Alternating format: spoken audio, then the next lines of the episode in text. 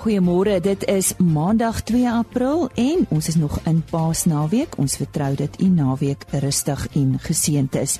U is ingeskakel by RSC Landbou. Ons praat ver oggend met Agri SA oor 'n ooreenkoms wat hulle geteken het met die Kommissie vir Bemiddeling, Mediasie en Arbitrasie. Dan kuier ons op die president van Agri Ooskaap se plaas en 'n bydrae vanaf die eerste wildskool wat onlangs aangebied is. Ons begin met landbou nuus. Volgens die Suid-Afrikaanse sitrusbedryf word 'n reuse toename in vanjaar se sitrusuitvoere verwag. 'n Totaal van 131,7 miljoen kartonne gaan na verwagting in 2018 uitgevoer word. Dit dui op 'n stygings van 7,1% sedert verlede jaar. Daar word veral 'n toename in pomelo-produksie verwag met 14,8 miljoen kartonne wat vir uitvoer bestem is. Dit is 8% hoër as verlede jaar se 13,7 miljoen kartonne.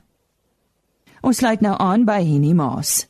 Ons uh, gesels nou weer met Albert Lipser van uh, van Veeplaas en ons gaan met hom die keer praat oor uh, die artikel wat hy oor intensifisering in kleinvee geskryf het in veeplaas en natuurlik ook die skaapskool wat uh, afskop. Belangrike sake nê nee, Albert. Verseker Henny, uh die twee gaan heel hand aan hand.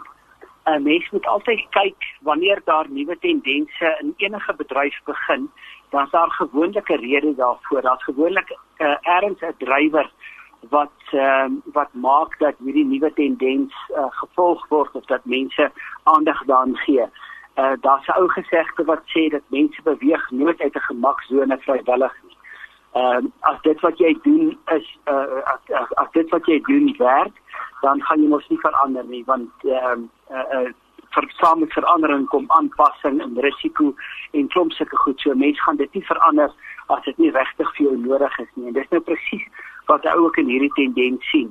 Ehm um, mense is, is, is kyk al meer en meer na intensifisering ehm um, omdat daar uh, baie fundamentele redes is wat hulle daarna toe dryf. In in die Suid-Afrikaanse konteks hoofsaaklik drie goed. Die uh, grootste daarvan was uh, predasie en veediefstal wat eintlik maar as as risiko gedefinieer kan word van verliese. Uh wanneer jy 'n intensiewe stelsel het, dan kan jy 'n klomp diere onder 'n klein oppervlakte uh grond hou onder dak byvoorbeeld wat beteken jy kan hulle baie makliker oppas en uh, goedkoper oppas wat beteken dat jou risiko dat of predatore by hulle gaan uitkom of veediewe hulle gaan vat uh kleiner is.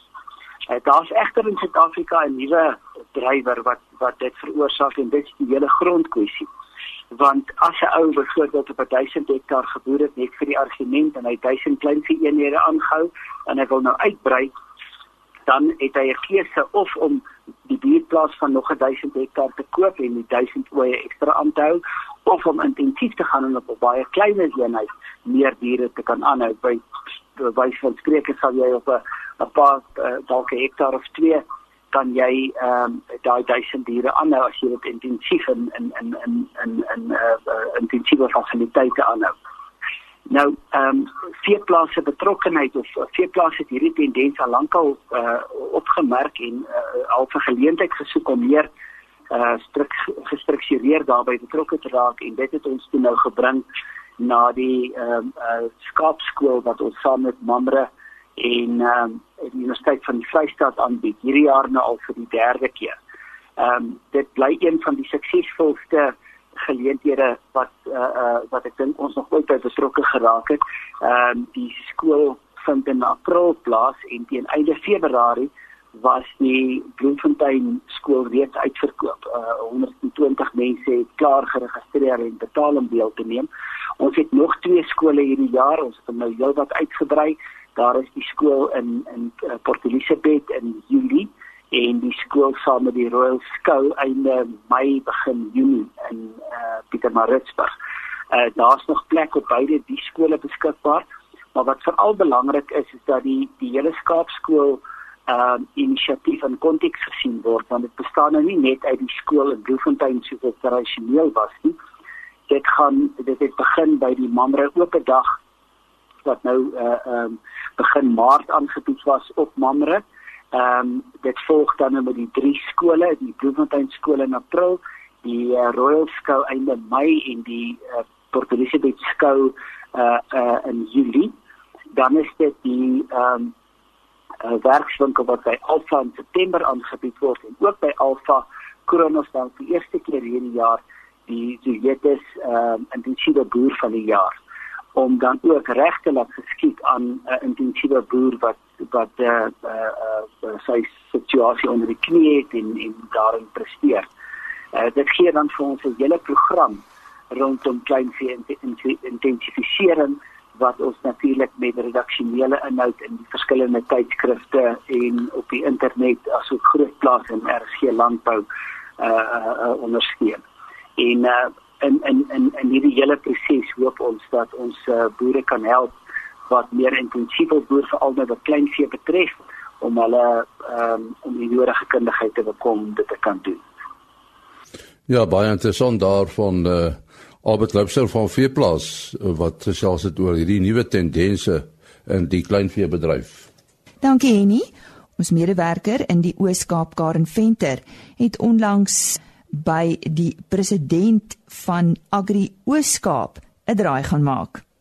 Goeiemôre luisteraars. Ek kuier vandag saam met Agri Oos-Kaap se president. Almal sal weet uh, dit is Daggie Stern. Ek is baie bevoorreg om vandag saam met hom en sy vrou Lis hier op hulle plaas Rietpoort te kuier. Daggie is die vierde geslag wat hier boer en dit is 'n ongelooflike mooi omgewing selfs na of in droogte. Hulle is in die Graafrenet distrik en dit is in die Sneeuberge en ek dink hier gaan Daggie nou oorvat en vir ons vertel. Jy het nie dadelik kom boer nie. Ehm um, toe jy jong man was, waar het jy gaan draai? Ja, Karen. Uh toe ek die skool verlaat het, daai jare, 60er jare moes ons ons militêre opleiding doen. Toe ek nou klaar was met my militêre opleiding en my tersiêre opleiding, het uh, ek besluit om Australië toe te gaan. Nou daai jare was dit nog al 'n uh, uh, algemene praktyk dat die jong manne na Australië toe gaan het om 'n bietjie jackaroo werk te doen.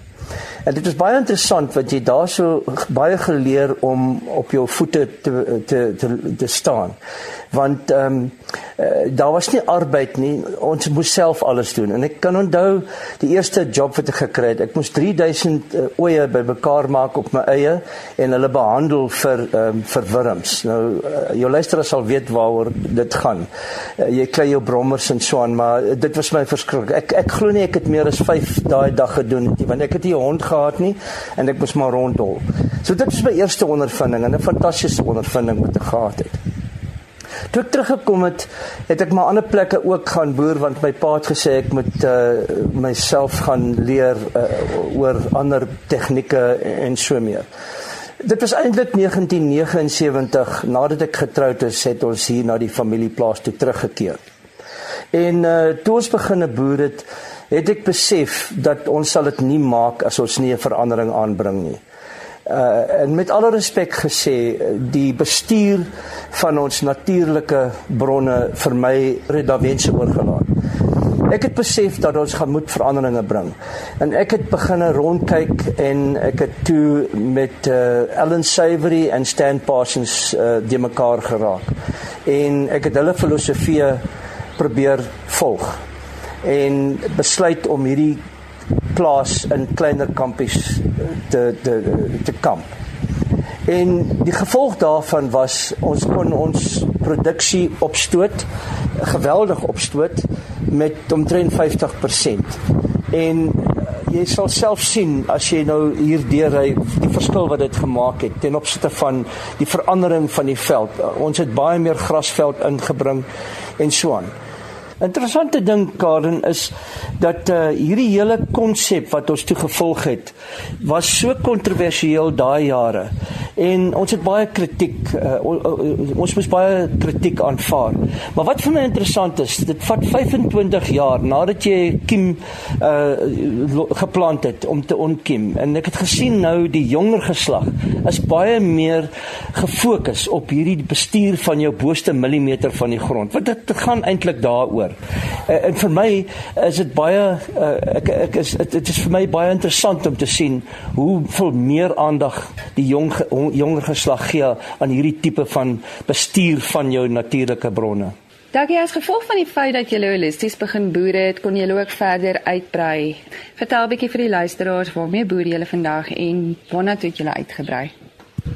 Ja, Karen, ons boer hoofsaaklik met uh, Dunie Merino skape en Tuli beeste. Die uitbreiding as gevolg van die feit dat ek 'n seun het, moes ek 'n plan maak en uh, wat ons hier wat ons hier bereik het kon ons 'n ander plaas addisioneel koop wat omtrent twee keer die grootte van hierdie plaas is en ek is baie trots op op daardie uh, prestasie. Laastens wil ek net sê op die 15de Mei hierdie jaar gaan ons 'n groot beesveiling weer eens aanbied onder die toesig van Paul Hobson & Co en enige iemand is welkom. Hulle kan vir my kontak op die volgende nommer: 0721 789 811. Alternatief, jy kan vir ons kontak op ons e-pos wat sft@gam.co.za. Baie dankie. Ons sê baie dankie aan Karen Venter vir daardie gesprek en dit was met Duggie Stone. Hy is die president van Agri Ooskaap en hy boer op die plaas Rietpoort in die Graafreinet distrik. Ons uh, gesels nou met Corneille Du Plessis oor 'n veiling wat op die 7de April plaasvind. Vertel ons meer Corneille, uh, watter veiling is dit? Dag sê jy nie dit is met trots weer wat ons uh, Kaapstad boerdery se veiling aanbied die 7de April hier in Pretoria met gasverkoop in Shafra Witdorpers waar hulle boerbokke, dorpers en witdorpers gaan aanbied. Uh, jy sê uh, dorpers en witdorpers, uh, wat presies is die aanbod? Die aanbod presies is uh, 30 boerbok ooe en 10 ramme uit top genetika uit en dan die dorpers het ons 40 ooe en 10 ramme en dan het ons uh, ook so 30 uh, wit dorpers en 10 ramme op veiling. Is daar 'n rede waarom die veiling in Pretoria plaasvind? Weet jy wat die die ehm um, Kaapstad het so goeie naam en hulle het veel sulke goeie topgenetika. Hulle bring dit bietjie nader vir die mense om van hulle genetika in die hande te kry. Daar's 'n goeie aanvraag hier in die noorde en dan veral ons buurstate. Dis maar net om hulle kliënte te bedien weet en Araldo Smit wat die boerbokstoetery hanteer het skoonskip gemaak by die nasionale skou nou in Parys verlede week. Hy het die beker gewen van die teeler van kampioene. Hy het 4 groot kampioene getel uit die junior kampioen ram, die junior kampioen ooi, die groot kampioen ram en die groot kampioen ooi en dit het hom dan ook die beker van teeler van kampioene ehm um, gegee en dis net die bewys van die topteelmateriaal wat hy in die boerbok afdeling vir ons aanbied. Goed, dit vind op die 7de April plaas. Waar presies en hoe laat begin dit? Dit is die 7de April by Konrad Herbskleinvee sentrum daar in Boskop hier in Pretoria uit op Lynnwoodweg en as ek dit kan sê, wil ek daarom ook net vinnig vir Frans wat Kron eh, wat die dorpers hanteer ook sê, jy weet, hy hy deel uit van die oudste stoeterye in die land afkomstig van Albie van Niekerk weet hulle boer verskriklik ekstensief daar in Appington se wêreld. Dis baie droog daar en nog steeds teel hulle funksioneel doeltreffende diere wat nog steeds lam in hierdie droogte. Eh, 'n uh, Kontaknommer as mense inligting wil hê? Hulle dis die maklikste om my net te kontak Corneille van CDP afslaers. My nommer is 076 101 396 en dan Annelie van Chafra David Dorp en almal kan my maar kontak en sal ek hulle met die verskillende mense in verbinding sit. Net weer die nommer 076 101 396. Baie dankie Corneille Du Plessis. Nog landbou nuus, 'n gefokusde webwerf oor plaagdodergebruik is onlangs deur Bosbou Suid-Afrika geloods. Die webwerf, naamlik www.tipwg.co.za, is gemik op tegniese personeel studente, klein en mediumskaalse boere. Dit is saamgestel deur die werkgroep vir plaagdoders vir die bosboubedryf wat verteenwoordigers van die bosbousektor, plaagdodervervaardigers, die regering en bewaringsgroepe insluit. Die webwerf dek die basiese beginsels en volhoubare verantwoordelike gebruik van plaagdoders. Dit bied ook goedgekeurde plaagdode lyste vir kommersiële plantasies kwekerye en bewaringsgebiede. Saam met standaard bedryfprosedures vir die hantering en toepassing daarvan. Die webtuiste net weer, dit is www.tipwg.co.za. Die eerste Aldam Wildskool is onlangs aangebied, baie op dieselfde basis as die uiters suksesvolle vleisbeeskool wat jaarliks deur die Livestock Registration Federation by Aldam aangebied word. Isak Hofmeyer was daar. Ek gesels met Kobus Besterhuis, die voorsitter van die LRF. Dit is eintlik 'n Engelse term LRF wat beteken Livestock Registration Federation. Luister na my Engels. Maar ons is hier in die Wildskool by Aldam en ehm um, ek gesels met hom omdat omdat uh, die LRF betrokke was by die aanbied van van hierdie Wildskool. So so Kobus in die, in die, in die eerste plek, waaroor gaan hierdie Wildskool? Gaan werklik daaroor om wildboere in te lig oor baie van die vraagstukke wat vandag baie onduidelikhede of onsekerhede oor het. So hierdie is 'n geleentheid wat geskep is spesifiek waar daar gassprekers gekry word, sprekers van oorsee, asook plaaslike sprekers wat werklik kundig is op hulle gebied om die wildboere wat hierso die geleentheid bywoon te kan bedien met eerstehands inligting nie net in terme van eh, dit wat belangrik is plaaslik nie maar ook oor see se goede dis waarom ons byvoorbeeld vandag ook geluister het na ehm um, gaste van uh, Noord-Amerika wat byvoorbeeld 'n baie belangrike rol speel met die ehm um, invoer van van trofee na daardie deel van die wêreld wat 'n baie belangrike deel uitmaak van die totale wildbedryf of van 'n deel van die jagbedryf ook. So dit is maar deel daarvan. So ons wil graag mense bedien met die regte inligting deur deur gebruik te maak van regte kundiges. En dit wil raak slegs moontlik wanneer jy op 'n meer ehm um, saamgestelde basis waar ons bietjie meer mense saam kan groepeer en op 'n bietjie groter skaal die ding aanpak.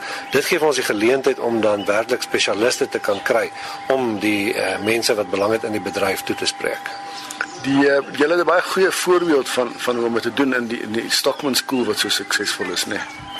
Dis reg ja, die konsep is geskoei op die Stockman School wat dan vanjaar sy 10de Stockman School gaan aanbied waar ons werklik daarop fokus om temas wat relevant is vir die tyd waarin ons uh, boer vraagstukke wat daar is die uh, nuwe wetenskap wat ontsluit word byvoorbeeld op die gebied van genomika uh, wanneer ons daardie tipe van uh, spesialistvelde ehm um, graag wil hanteer en bespreek. En enigste manier om dit sinvol te doen is om dan soos ek gesê het spesialiste te kry en dit is die die konsep wat gebruik was en wat ingespan was deur die LRF in die verlede om die Stockman schools dan so uh, populêr te te maak en werklik gesog te maak onder onder boere. En die idee is nie net om te kom luister na na kundiges nie, maar om werklik daaruit pitkos te kan kry sodat jy jouself kan in staat stel om daardie dinge wat jy leer by hierdie tipe van geleenthede te gaan toepas op die plaas. Want dit help nie ons praat net in teorie nie. Ons is gefokus daarop om ook dinge te bespreek wat werklik toegepas kan word ten einde jou boerdery praktyke te kan verbeter. Waar is die wildbedryf op die oomblik? Hoe lyk dinge? Ons weet hulle het 'n groot 'n uh, pryskrisis eintlik gehad in sekere opsigte. So waar staan hulle nou? Een van die grootste dinge wat ons moet van mekaar sê is dat na my beskeie mening is die die feit dat die wildbedryf as sulks beland het in die situasie waarin ons onsself bevind die direkte gevolg van besluitneming op gebrekkige inligting en op gebrekkige kennis. Dit is een van die groot vraagstukke wat ons het en ons moet kyk op watter sinvolle manier kan dit kan dit aangespreek word. Ons kan nie die regte besluite neem as ons nie die regte inligting tot ons beskikking het nie. Op hierdie stadium is daar geweldig baie mense wat raai oor soveel dinge. Daar was besluite geneem aan die hand van hoeveel draad word verkoop om nuwe heininge op te rig. Dit het vir mense gesê maar dan is daar mos nou 'n uitbreidende mark daar buite, kom ons teel meer. Een van die grootste ehm um, probleme wat die Suid-Afrikaanse boer oor die algemeen het is sy vermoë om te oorproduseer wat ek eintlik sê as daar so 'n term kan wees. Ons is ons eie grootste vyand deur iets aan te pak, dit oor suksesvol te doen en dit is baie moeilik om te sê. Ons het ehm um, as mense werklik kyk, daar is statistieke beskikbaar. Ons het vandag gehoor van hoeveel die Amerikaners byvoorbeeld spandeer, hoeveel ehm um, uh, jagters het in die verlede Suid-Afrika besoek. En ehm um, ons het nie werklik sulke akkurate syfers nie. Die akkurate syfers wat hulle vir ons mee kon bedien, was syfers wat gedateer is 2016. Nou is ons in 2018 en ons het nog nie 2017 se data om om besluite op te neem nie. En dit is wat dit so geweldig kompleks maak. Wat egter belangrik is is dat ons moet leer om te fokus op die eindverbruiker. Die eindverbruiker van die wildbedryf afhangend van wat in watter uh, segment of sektor van die wildbedryf jy is, byvoorbeeld of jy onderskeid maak tussen die jagbedryf en toerisme, gaan met die eindverbruiker. En in in die jagbedryf is die eindverbruiker of die trofeejagter of dan die biltongjagter. En die, die eindverbruiker weer daarvan is die uh, benutter van daardie uh, wildsvleis. So ehm um, dit is belangrik dat ons onsself vergewis van van wat is aan die gang, maar ek kan nie regtig vir jou sê waar trek ons wat die wildbedryf aanbetref nie. Uh Dr. Ernst Janowski het baie uh, goed gestel vandag toe hy verwys het daarna dat die prys wat betaal word vir enige produk gaan oor die onderliggende waarde. En die onderliggende waarde is niks anders as die eindverbruik se waarde wat of persepsie van waarde. Dit wat hy bereid hy of sy bereid is om te betaal vir daardie produk. Dit is waaroor dit gaan. En ek het vir jou 'n duidelike antwoord daarop. Nie. Sê baie dankie aan Isak Hofmeyer en hy was daar in gesprek met Kobus Bester van die LRF of die Livestock Registration Federation. Nou weer oor na Enie Maas waar hy met Agri SA gesels. Dis onnodig om te sê dat arbeidskwessies 'n onmisbare deel van die landskap is en uh, en rolspelers veg voort om probleme so ver moontlik te verminder. Nou op hierdie noot het Agri Suid-Afrika onlangs 'n ooreenkoms met die kommissie van bemiddeling, mediasie en arbitrasie onderteken. Dis om te verseker dat produsente hier ook ondersteuning kan ontvang. Janie De Villiers van Agri Suid-Afrika vertel ons meer. Janie, uh, wie is die kommissie vir bemiddeling, mediasie en arbitrasie? Mediasie, bemiddeling en arbitrasie is 'n statutêre liggaam wat saam met die departement van arbeid werk um, om geskille binne in die die uh, alle sektore uit te sorteer deur middel van presies wat hulle naam sê, bemiddeling, mediasie en arbitrasie. En en hoe sluit die die liggaam by landbou aan?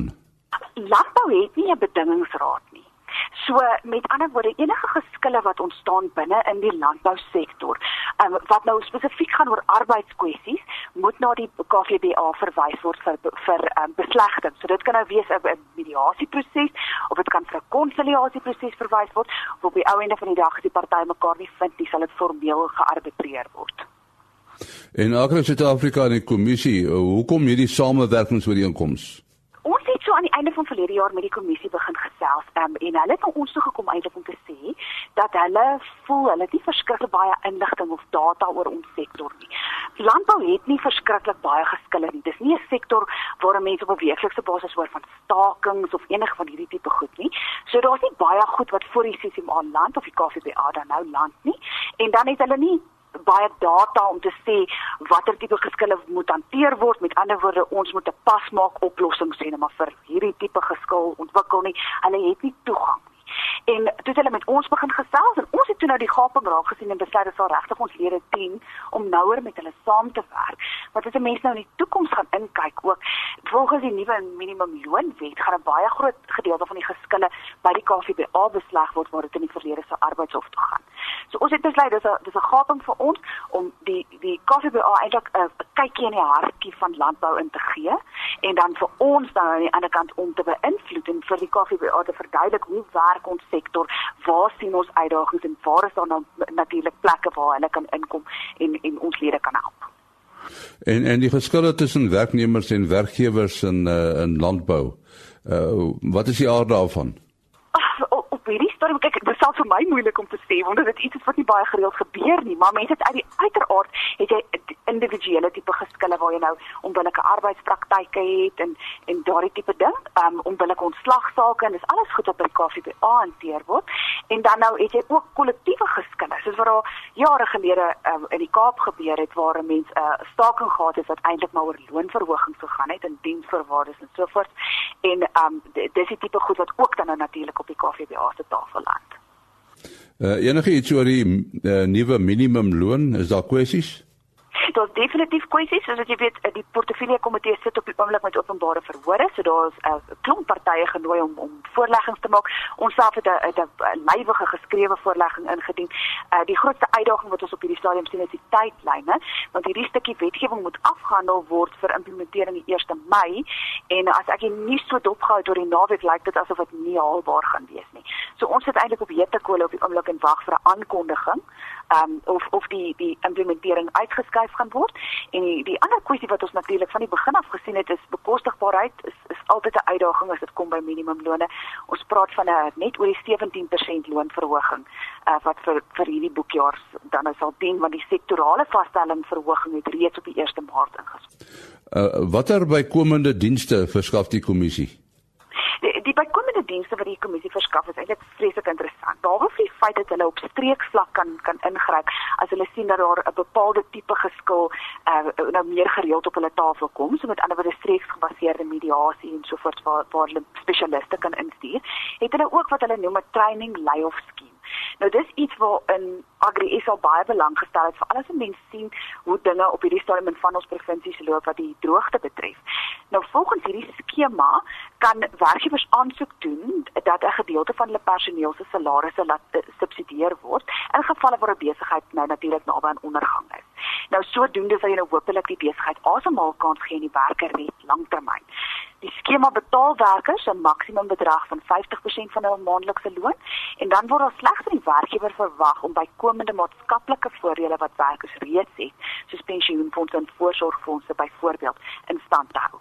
Um gedurende hierdie tyd word die werkers dan deur die KVBA opgelei in verskeie velde verkieslik sal dit weet in 'n veld en 'n vaardigheid wat die werkgewer nodig het, maar dit kan ook generiese opleiding soos basiese geletterdheid insluit. En Agri Suid-Afrika se rol in die ooreenkoms? Ons rol in die ooreenkoms is eintlik maar basies dat ons area van wisselwerking soek met die KVBA. So ons het byvoorbeeld in die in verlede jaar het ek al reeds van die die ehm um, KVBA kommissaris se opleidings daarby gewoon um, om hulle 'n idee te gee van hoe die sektor funksioneer en waar ons kan sien ons mekaar kan kan help. Um, ons provinsiale afdeliale is ook regtig besig om verhoudings te bou met die CCMA provinsievlak. So die CCMA het elke nou en dan gebruikersforums in die provinsies waar hulle um, enig van die rolspelers wat van die dienste gebruik maak vra om te kom gesels en te te um, sê wat wat kan verbeter word, wat kan ons doen, hoe kan ons mekaar help en ons provinsies woon nogal hierdie geleenthede by en bou bande met die met die KVBA. So eintlik op die einde van die dag is die hele mikpunt om nader aan mekaar te beweeg. Arbeidsverhoudinge in die landbou is natuurlik belangrik, né? Nee? Baie baie belangrik. Jy vra die verkeerde mens. Vir my is arbeidsverhoudinge altyd baie baie belangrik. Ons sê baie dankie aan Janie De Villiers van Agri Suid-Afrika. En dis dan waar ons aan die einde van vandag se RC landbou program kom. Baie dankie dat jy saam met ons gekuier het. En onthou môreoggend om 05:30 maak ons weer so. Totsiens. RC landbou is 'n produksie van Plaas Media. Produksieregisseur Henny Maas. Aanbieding Lisa Roberts. En inhoudskoördineerder Jolandi Root.